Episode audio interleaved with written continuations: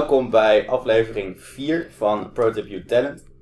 Waar we op zoek gaan naar best practices in uh, talentontwikkeling uh, en het behouden en uh, doorontwikkelen van het talent. vandaag zit ik hier met Naomi Barnau. Naomi, welkom bij, bij deze vierde aflevering. Dankjewel. Waar kunnen mensen jou van kennen? Ja, dat is een, dat is een leuke vraag eigenlijk van, van heel veel dingen. Ehm, je kan me kennen van het schoolplein van de Emma School in Leidschendam. Uh, speeltuinen daar, waar ik met mijn kinderen ben. Uh, uit Capelle aan de IJssel, daar ben ik opgegroeid. Mhm. maar ook uit Den Haag Centrum. Um, maar als je mij niet zeg maar, nou, in real life kent, kun je me denk ik vooral kennen van mijn eigen coachpraktijk. En ben ik te vinden via www.naomibarnau.nl. En ben ik aangesloten bij Dynamisch Bureau en natuurlijk ook bij Prototype You. Dus dat zijn een ja, aantal dingen waar je mij van kunt kennen. En uh, naast heb ik ook lang in het recruitmentvak uh, gewerkt. Mm -hmm. Dus misschien kennen mensen mij ook nog wel als de recruiter of de medewerker van het uitzendbureau waar ik tijd heb gewerkt. Oké, okay, en je, je coachpraktijk, wat, waar richt je op? Wat voor mensen komen daar bij je langs? Um, wat voor mensen komen bij langs? Nou, heel verschillende mensen. Uh, ik, uh, de jongste die ik nu begeleid is 26 en de oudste is 58. Man, vrouw, maakt niet uit. Maar wat al deze mensen wel gemeen hebben, is dat ze een, een loopbaanvraagstuk hebben waar ze mee zitten.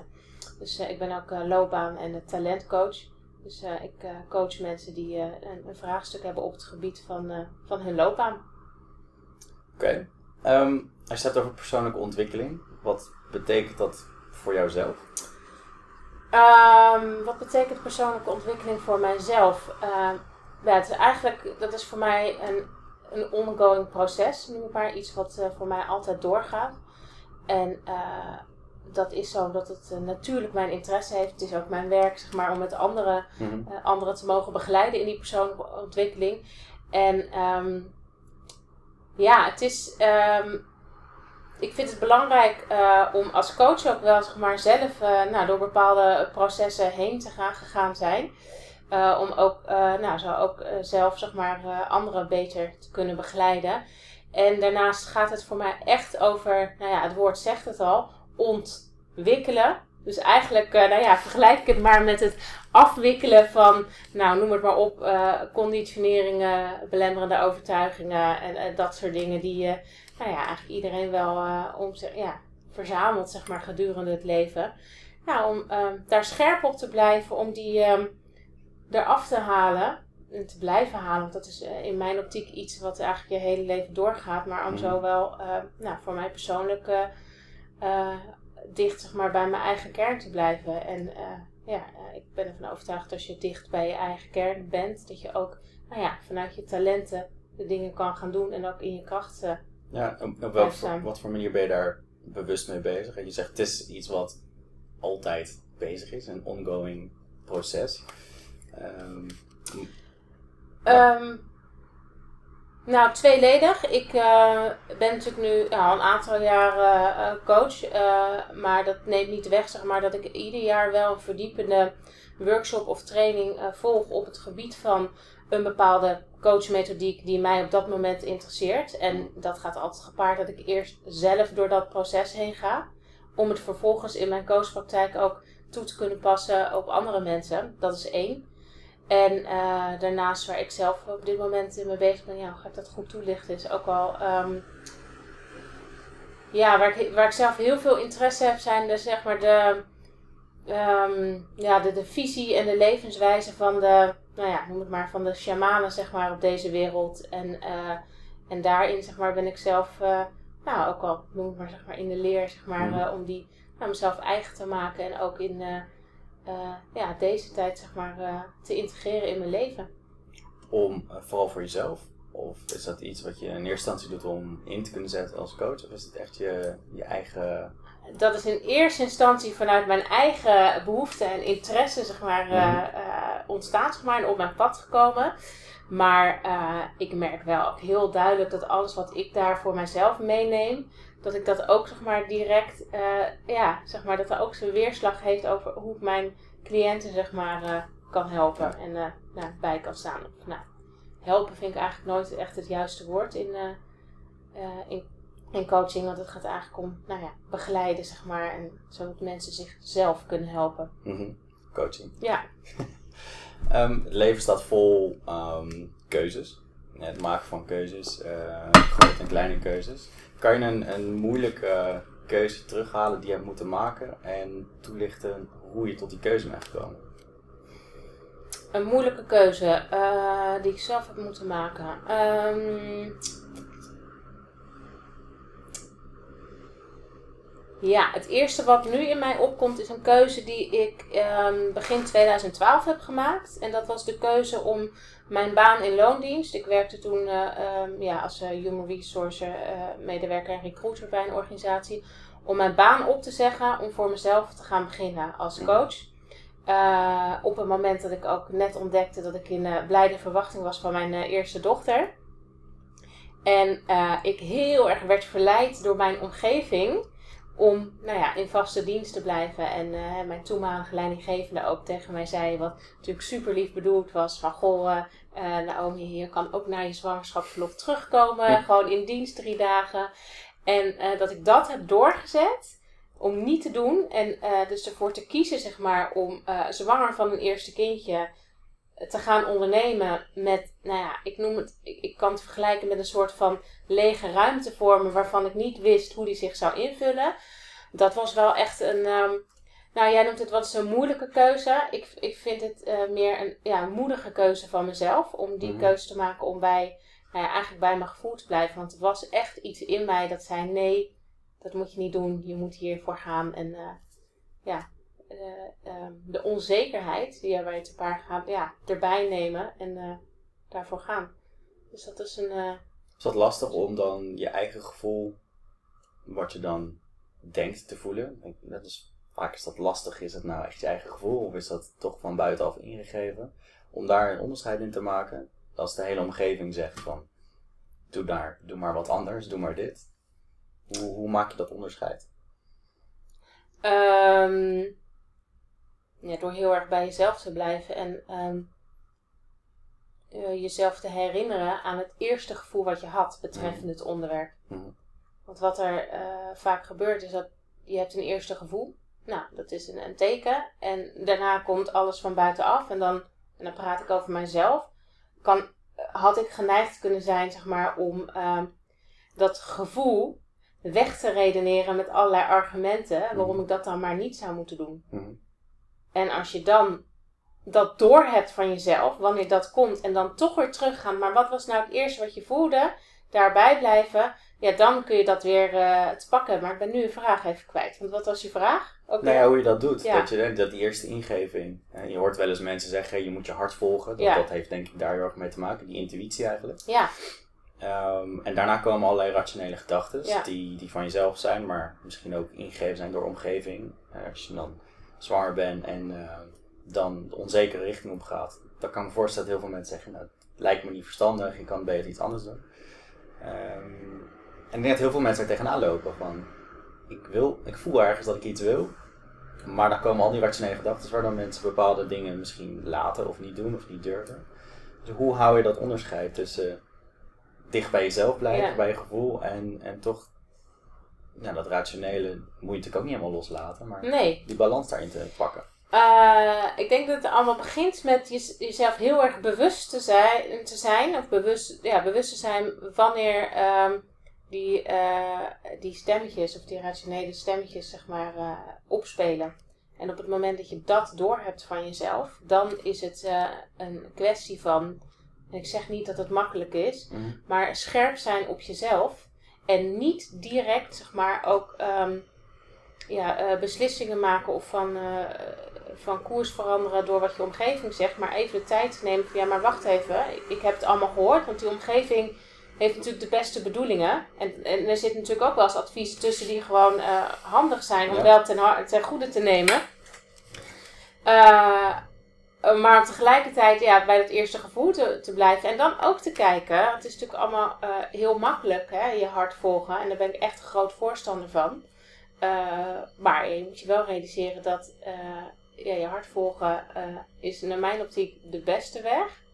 Maar zeker niet de makkelijkste weg, want er komen altijd nou ja, obstakels onderweg om daarbij te blijven. En, en dat vind ik ook, ook belangrijk in mijn werk als, als loopbaancoach. Um, het moet ook het, het volgen van je hart en, en doen wat je intuïtie je ingeeft, dat is een hele belangrijke. En dat is voor mij wel echt zeg maar, waar het om gaat. Maar het moet ook realistisch blijven. Mm. Want hè, we leven nu eenmaal in de maatschappij hier. En uh, ja, sommige mensen hebben een gezin, huis, hypotheek, zeg maar. Dus het moet ook realistisch blijven. En uh, betekent niet altijd dat mensen direct het roer helemaal om hoeven te gooien. Uh, maar je ook in kleine stapjes, zeg maar, dat hart kan gaan volgen. Ja, en dan ja, mensen, je, je, hebt, je hebt gewoon je leven, je dagelijks gang van zaken. Daar gebeuren heel veel dingen natuurlijk in je hoofd. Daar zullen ook gevoelens en intuïtie komen. Um, is er iets dat je uh, als praktische tip kan meegeven dat je zou kunnen toepassen om meer naar die intuïtie te kunnen luisteren? Um, heb je dan momenten van reflectie nodig? Of, of hoe, hoe, hoe, doe je dat? Nou, wat, wat, een praktische tip die ik vaak aan mensen meegeef is uh, om, uh, nou ja, één of twee momenten van de dag is even vijf minuten gewoon stil te zijn. Even te stoppen met waar je mee bezig bent. Mm -hmm. En uh, nou ja, dan kan je zelf voor kiezen wat je prettig vindt. En met je ogen open of met je ogen dicht. Maar even vijf minuten ja, stil te zijn. Niks te zeggen. En nou ja, naar je adem te luisteren. Uh, eventjes uit die rijde trein. Want uh, mm -hmm. het is dus zo makkelijk zeg maar, om maar door te blijven gaan. Want er is genoeg te doen. Ja. En op het moment dat je uh, ja, door blijft gaan en um, uh, ja, niet zeg maar die, die rust en die stilte voor jezelf pakt, zeg maar, dan heb je ook kans inderdaad dat je die intuïtie mist, zeg maar. Ja. ja. want dan heeft het niet de kans, zeg maar, om ja, dus zich te die, laten horen. Ja. Even vijf minuten die stroom aan gedachten en gevoelens ja. gewoon laten gaan. En ja. dan, ja, en dat wil niet zeggen, zeg maar, dat die gedachten dan weg zijn, want dat merk ik heel vaak met mensen als we het over meditatie hebben, bijvoorbeeld. Mm dat lukt me echt niet hoor, geen gedachten te hebben. Maar dat, dat, dat, dat, hoeft ook niet. Ja, natuurlijk, fantastisch als je dat wel lukt. Als je, ja, zeg maar tien dagen achter elkaar in een meditatieretraite gaat zitten. Of een zeer uh, geoefende meditatieleerling uh, uh, bent, zeg maar, oké. Maar het gaat vooral om even de aandacht bij jezelf te hebben. Zodat je, ja, gewoon ja, ook je lichaam even kan voelen en nou ja, kan opmerken wat je zelf eigenlijk nodig hebt. En dus niet naar buiten gericht bent. En dat die gedachten dan voorbij varen, ja dat is zo, zeg maar. En die hoeven dan ook niet per se helemaal weg te zijn. Ja, en dan, dan, dan luistert iemand goed naar zijn gevoel. Dan heb je de intuïtie. Er komen allerlei ja, ideeën of, of wensen uit die, uh, die misschien anders zijn dan het pad waar iemand op zit. Um, dus dat, dan is verandering nodig. Um, wat, wat wij vaak zien is dat mensen allerlei, en dat zijn waarschijnlijk die rationele gedachten, dan belemmerende overtuigingen hebben om daar te komen. Ja. Um, je ziet veel mensen voorbij komen, dus ik ga ervan uit ook veel van dit soort en veel belemmerende overtuigingen. overtuigingen ja. kan je, uh, zie je daar een patroon in? En wat zijn dan, als, als je dat ziet, zijn, wat zijn dan de twee uh, meest voorkomende belemmerende overtuigingen die uh, bij mensen voorbij ziet komen? De meest voorkomende belemmerende overtuigingen. Uh,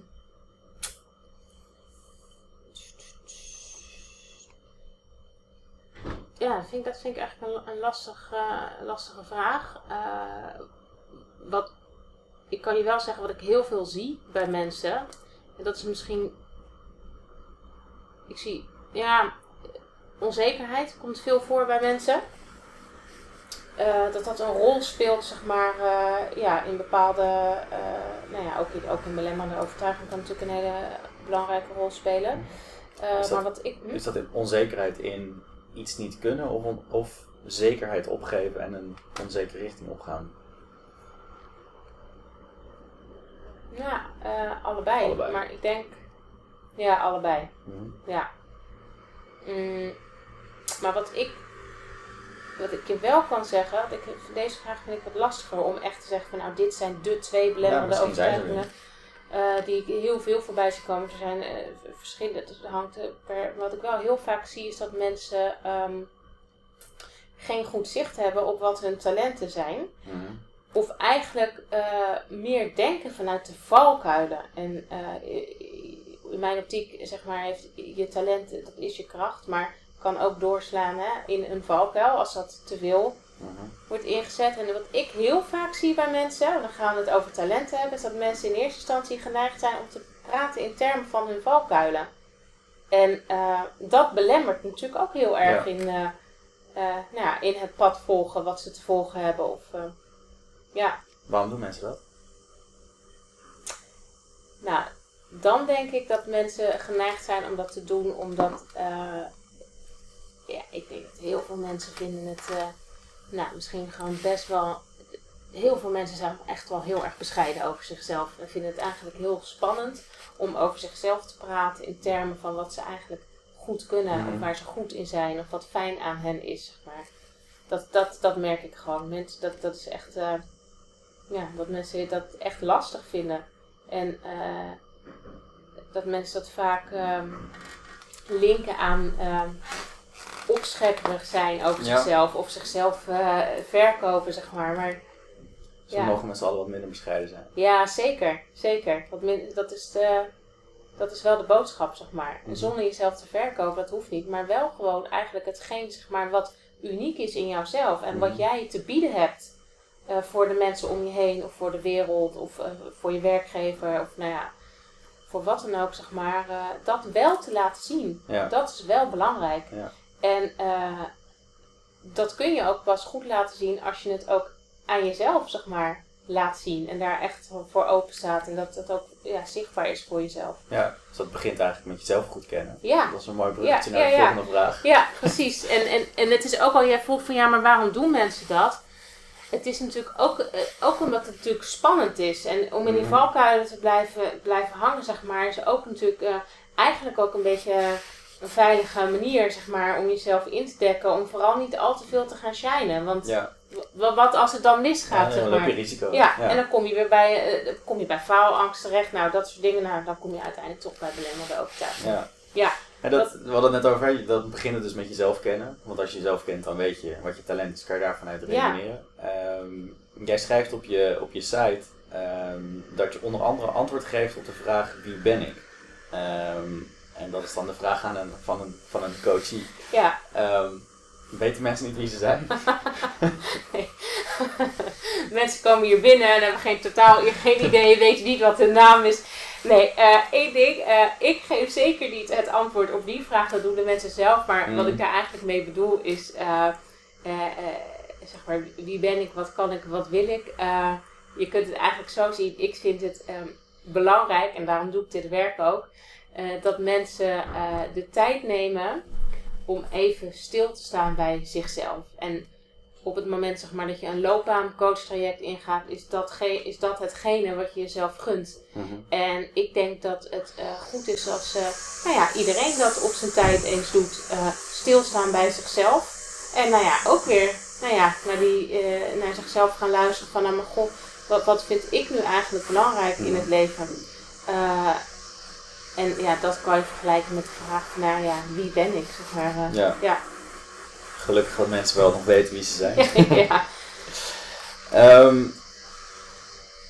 als je het hebt over coaching en, en loopbaancoaching, een, een, term die je wel eens hoort is loopbaanonderhoud. Ehm en loopbaanonderhoud, dat, dat kan in eerste instantie heel simpel klinken. En je, cv die er goed uitziet, je LinkedIn pagina die er, die er goed uitziet. Ehm, maar ik denk dat loopbaanonderhoud wel wat verder gaat dan dat.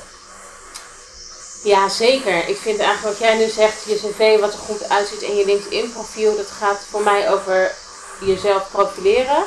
En eh ja, loopbaanonderhoud, dat gaat in mijn optiek over dat je ehm, ja, gedurende je werkende leven eh, jezelf bewust blijft, zeg maar, waar jij naartoe wilt. En eh, dat je ook ehm, nou ja, eh, in de gaten blijft houden. hoe ga ik dat goed zeggen?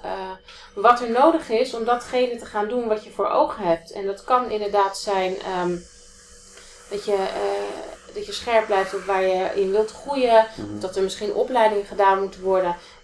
puur voor jezelf. Om ehm, jezelf, zeg maar, je eigen ambitie eigenlijk te blijven voeden. En dat je dus niet te lang eh, stilstaat en geen stappen meer kunt maken. Wat voor stappen dat ook mogen zijn. Hè? Want dat hoeft zeker niet per se mensen denken ook vaak bij ambitie, dat gooi ik er nu even zo tussendoor, Mhm. van eh, ja, ik heb geen ambitie, want ik, wil, ik hoef niet per se manager te worden. Ja. En eh, ik denk dat ambitie altijd te maken heeft met, nou ja, eh, naar boven groeien, die verticale lijn. En in- ja, in mijn optiek is het net zo goed een ambitie als jij zegt, nou ik wil minder gaan werken en eh, ik wil drie dagen eh, gaan werken en bijvoorbeeld meer voor mijn kinderen gaan zorgen of in een koffietentje gaan werken. Dat is ook ambitie.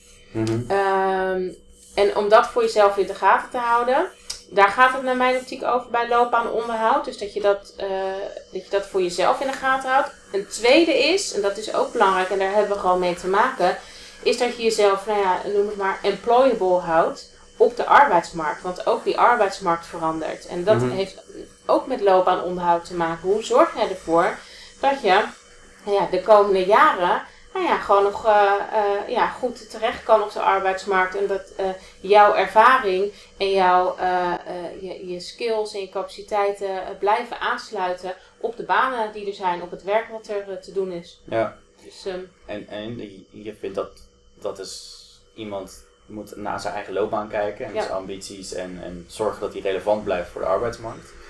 Wat is de rol van een organisatie hierin, vind je? Ehm, ja, en wat, nou ja, die kan eh, zeker een, eh, een motiverende en ondersteunende rol bieden. Kijk, Mhm. uiteindelijk moet het vanuit de persoon zelf komen, zeg maar, om daar echt daadwerkelijk eh, eh, mee aan de slag te gaan, zeg maar. Maar het is wel, denk ik, heel goed als eh, organisaties dat wel faciliteren. En ehm, ja, dat organisaties zich niet alleen zeg maar, mensen in dienst hebben om de klus te klaren die er bij de organisatie ligt, maar dat eigenlijk op een, ehm, eh, ja, moet, eh, wat is het juiste woord daarvoor? Maar dat ze hun eh, ja, medewerkers ook eh, ondersteunen zeg maar, in de ontwikkeling, dat ze ook eh, nadat die klus geklaard is, op een goede manier weer verder kunnen. Het zij binnen de organisatie en anders buiten die organisatie. En dat eh, werkgevers mensen ook wel de ruimte geven om dus met loopbaanonderhoud bezig te zijn, terwijl ze aan het werk zijn voor die organisatie. Dat vind ik wel belangrijk. Ja, en wat is het voordeel voor een organisatie als ze dat zouden doen? Dat zij eh, uiteindelijk eh, eh, gemotiveerdere medewerkers krijgen, denk ik. En ehm, die ook, zeg maar, dat die medewerkers uiteindelijk ook breder inzetbaar zijn in de organisatie. Mhm. En uiteindelijk ook weer mensen, zeg maar, die nou, meer in hun kracht komen te staan. En ik geloof ook, zeg maar, op het moment dat je daar op een hele eh, open manier mee omgaat, zeg maar, dat dat zowel de organisatie als de medewerker gewoon ten goede komt. Ja, Ja. en ehm, heb je misschien een goed voorbeeld van een organisatie die dat op een juiste manier inzet? Ja, nou, ik, ik ga hier nu geen namen van de organisatie zelf noemen, maar ik heb wel een voorbeeld waarvan ik denk van ja, zo zou het er moeten zijn. Ik heb op dit moment eh, een dame in een eh, loopbaancoach traject Mhm. die nou, al enige jaren binnen een organisatie werkt. Het prima naar de zin heeft binnen de organisatie. Die hoeft daar ook helemaal niet weg. Is ook, eigenlijk, is ook helemaal niet van plan om weg te gaan bij die organisatie. Maar die komt toch bij mij voor een loopbaancoach traject. Waarom? Omdat de organisatie ziet een bepaalde potentie in haar. Mhm. En heeft een beeld van, nou, ze zou mogelijkerwijs naar die functie kunnen groeien. Maar de persoon eh, in kwestie, eh, nou, die heeft nog wat te maken met wat onzekerheden, belemmerende overtuigingen en dat soort dingen. En die organisatie heeft haar dus naar mij toegestuurd om daaraan te gaan werken. Om vervolgens te kijken van, nou ja, wat kunnen we dan binnen onze organisatie voor haar betekenen. En dat vind ik gaaf. Dat Ja. ze dan zo'n coachtraject aanbieden waarin iemand echt eh, nou, met die eh, belemmerende overtuigingen aan de slag kan. Ja, Mhm. en met, met die zelfverzekerdheid. En dat is in mijn optiek een voorbeeld van een organisatie die dus actief met zijn medewerkers aan de slag gaat op het gebied van talentmanagement. Ja, ze signaleren dat, eh, dat er talent zit. Ja, dat die ze beter... eh, Ja, ze signaleren dat er een talent zit, zit, dat er mogelijkheden zijn, maar ze si- signaleren ook bepaalde onzekerheden, waardoor nou ja, eh, de medewerker zelf daarin nog niet eh, 100% optimaal uit de verf komt. En iemand mag een coachtraject gaan doen om aan die onderwerpen te gaan werken. ja. Ehm, ja, vind ik een, goed voorbeeld van talentmanagement. Ja. Ja. Zonder jouw eh, vakgebied eh, overbodig te willen praten, zou het niet mooi zijn en wellicht beter zijn als in dit geval, in dit specifieke geval, haar manager die rol op zich kan nemen. Omdat die er bovenop zit en die ambitie misschien kan voeden en sturen binnen de organisatie. Ja, ik, uh, ik snap wat je zegt. Ehm, en ik uh, geloof zeker dat het goed zou zijn als alle organisaties op die manier met hun personeel omgaan. Maar waar ik ook in geloof, is als je het echt hebt over uh, nou ja, wat diepgaandere coaching, dat dat goed is om dat met iemand te doen die extern is en niet in de organisatie in de dagelijkse gang van zaken is. Want die nou ja, is eigenlijk natuurlijk minder objectief dan dat ik ben. Ja, ja. en deze manager van deze dame is wel betrokken bij dit hele proces. En heeft natuurlijk ook zelf akkoord gegeven om dit te gaan doen. En hij wordt ook door de coachie op de hoogte gehouden. En uh, dus dat, dat is heel goed. Want hè, bijvoorbeeld, uh, ik, ik werk bijvoorbeeld als met een, een thema talentenanalyse. Waarin heel veel nou, persoonlijke informatie van iemand zichtbaar wordt en het talent. En dat kan die manager ook inzien. Ja. Waardoor die manager daar ook weer mee kan werken.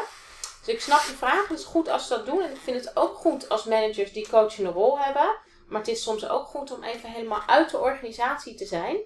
Om vraagstukken die met uh, de persoon en bijvoorbeeld het werk in de organisatie te maken hebben, eventjes ja. Uh, ja, op die manier te bekijken. Ja. Daar geloof ik ook wel in. En dat traject bij jou eindigt op een bepaald moment. Ja. Dan zou het mooi zijn als die manager dat overneemt. En de reden waarom ik het vraag, ja. wij horen bij organisaties uh, regelmatig de, de, de de wens, de drang naar managers die meer uh, als, een, als een coach of facilitator fungeren dan als uh, directief leidinggevende.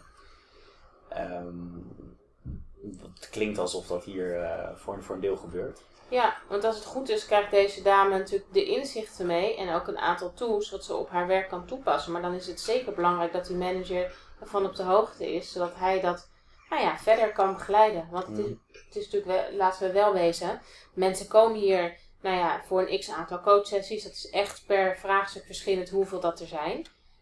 Maar ja, dat is uh, zeker eindig op een gegeven moment. En dan moeten mensen het zelf gaan doen. Ja. En dan is het wel fijn als er iemand in de omgeving is die op de hoogte is en soms nog wel eens uh, wat ondersteuning kan bieden. Ja. Zeker.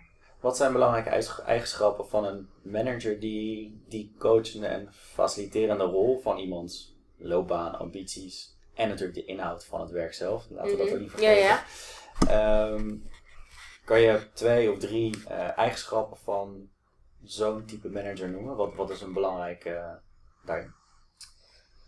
Ik denk dat, uh, dat zo'n type manager, ja, eigenlijk vind ik dat iedere manager moet het kunnen, vind ik eigenlijk sowieso een basisvaardigheid van de manager. Maar goed, er zijn ook managers die daar moeite mee hebben. Je moet uiteindelijk je kunnen delegeren. En mm-hmm. volledig vertrouwen kunnen hebben in de capaciteiten van de mensen mm-hmm. met wie je het werk doet, zeg maar.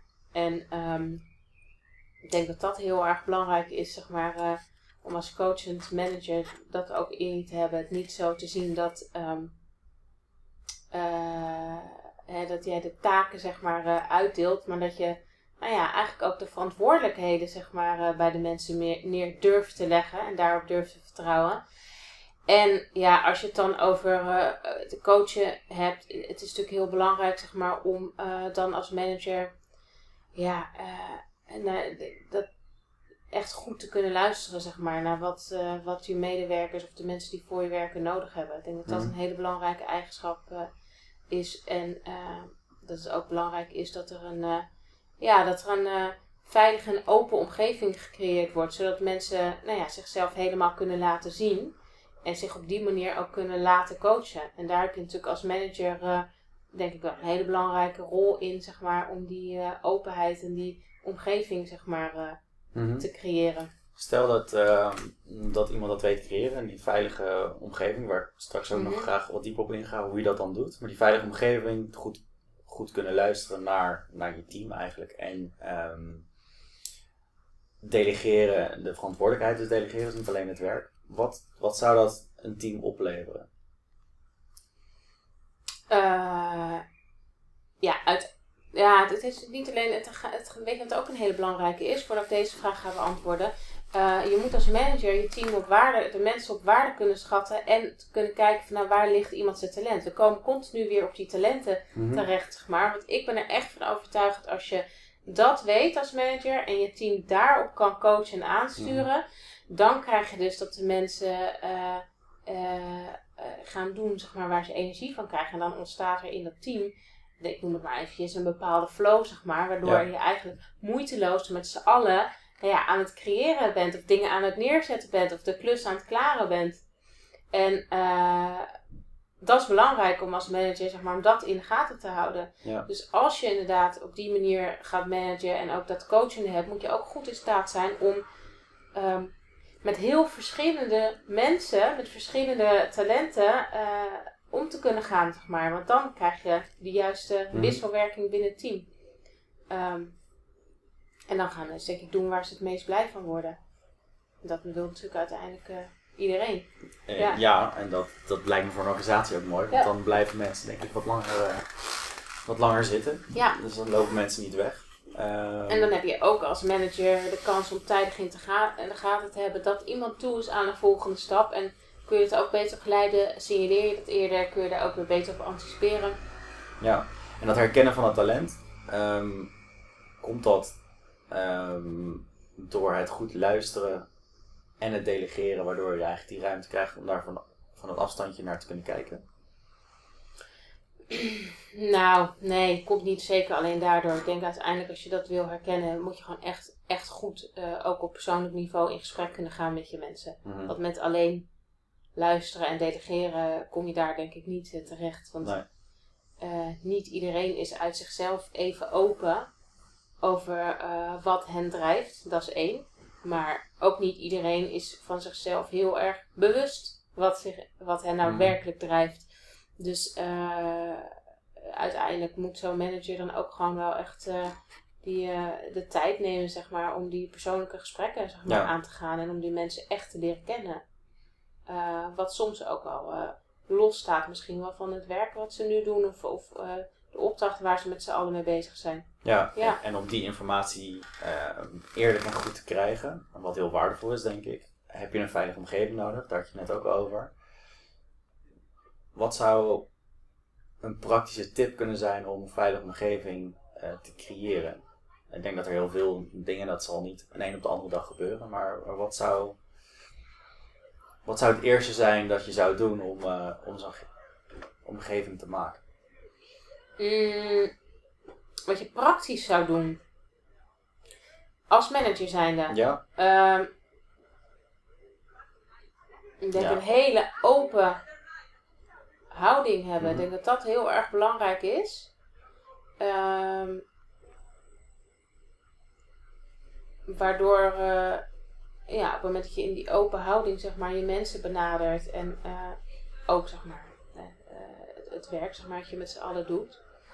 Eh, dus dat denk ik dat dat een eerste stap is, zeg maar, om ehm, die veilige werkomgeving eh, te creëren. Eh, want dan voelen mensen zich ook, eh, denk ik dat mensen zich ja, ook makkelijker, ehm, ja, hoe creëer je praktisch een open werkomgeving? Is, is dat je kwetsbaar opstellen? ja, onder andere. Ik bedoel, kwetsbaarheid heeft natuurlijk alles te maken met openheid. Ja, Mhm. het gaat er eigenlijk om dat. ehm, ja, dat, dat er weer. eh, dat er echt een verbinding komt binnen het bedrijfsleven. En natuurlijk, ik eh, scheer nu niet alle organisaties over één kam.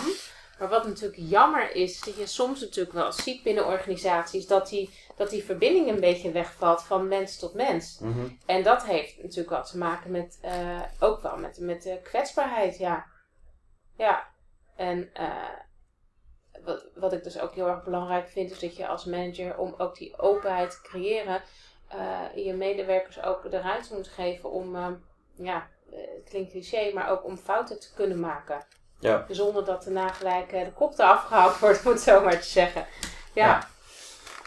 Luisteren, delegeren, de, de verantwoordelijkheid delegeren, Ja. een veilige omgeving creëren door onder andere een open en kwetsbare houding aan te nemen als eh, leidinggevende. Ja, en dan krijg je ook meer dat je het met elkaar doet. En dat jij als manager dus ook die faciliterende, begeleidende en coachende rol hebt. En niet de manager die vanaf bovenaf de bevelen staat uit te delen. Ja, En eh, ja, daar heb je natuurlijk gewoon veel, eh, veel meer winst aan. Dus dat zijn dat, dat coachen is wel echt wel een belangrijke vaardigheid voor een manager. En dit gaat bijdragen aan het behouden en verder doorontwikkelen van het talent wat je al in je organisatie Ja. hebt. Ehm, stel, ehm, er luistert nu iemand en die denkt, eh, dat, dat wil ik, dat vind ik belangrijk, ik wil daar wat aan doen. Ehm, die wil daar morgen mee beginnen.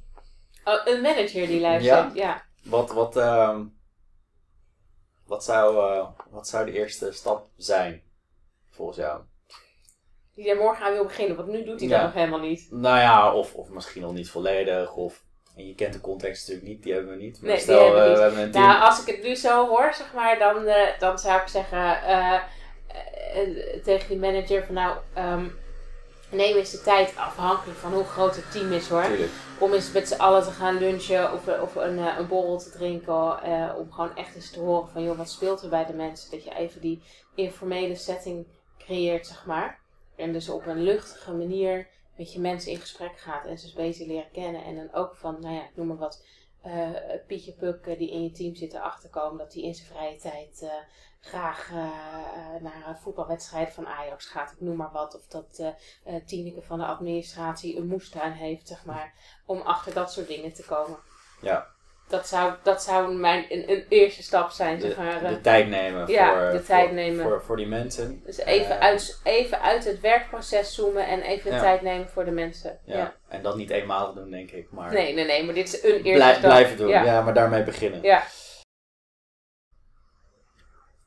Welk advies zou je jezelf vijf jaar geleden geven met de informatie die je nu hebt? ja. Eh, Als je het hebt over vraag. persoonlijke ontwikkeling. Over persoonlijke ontwikkeling.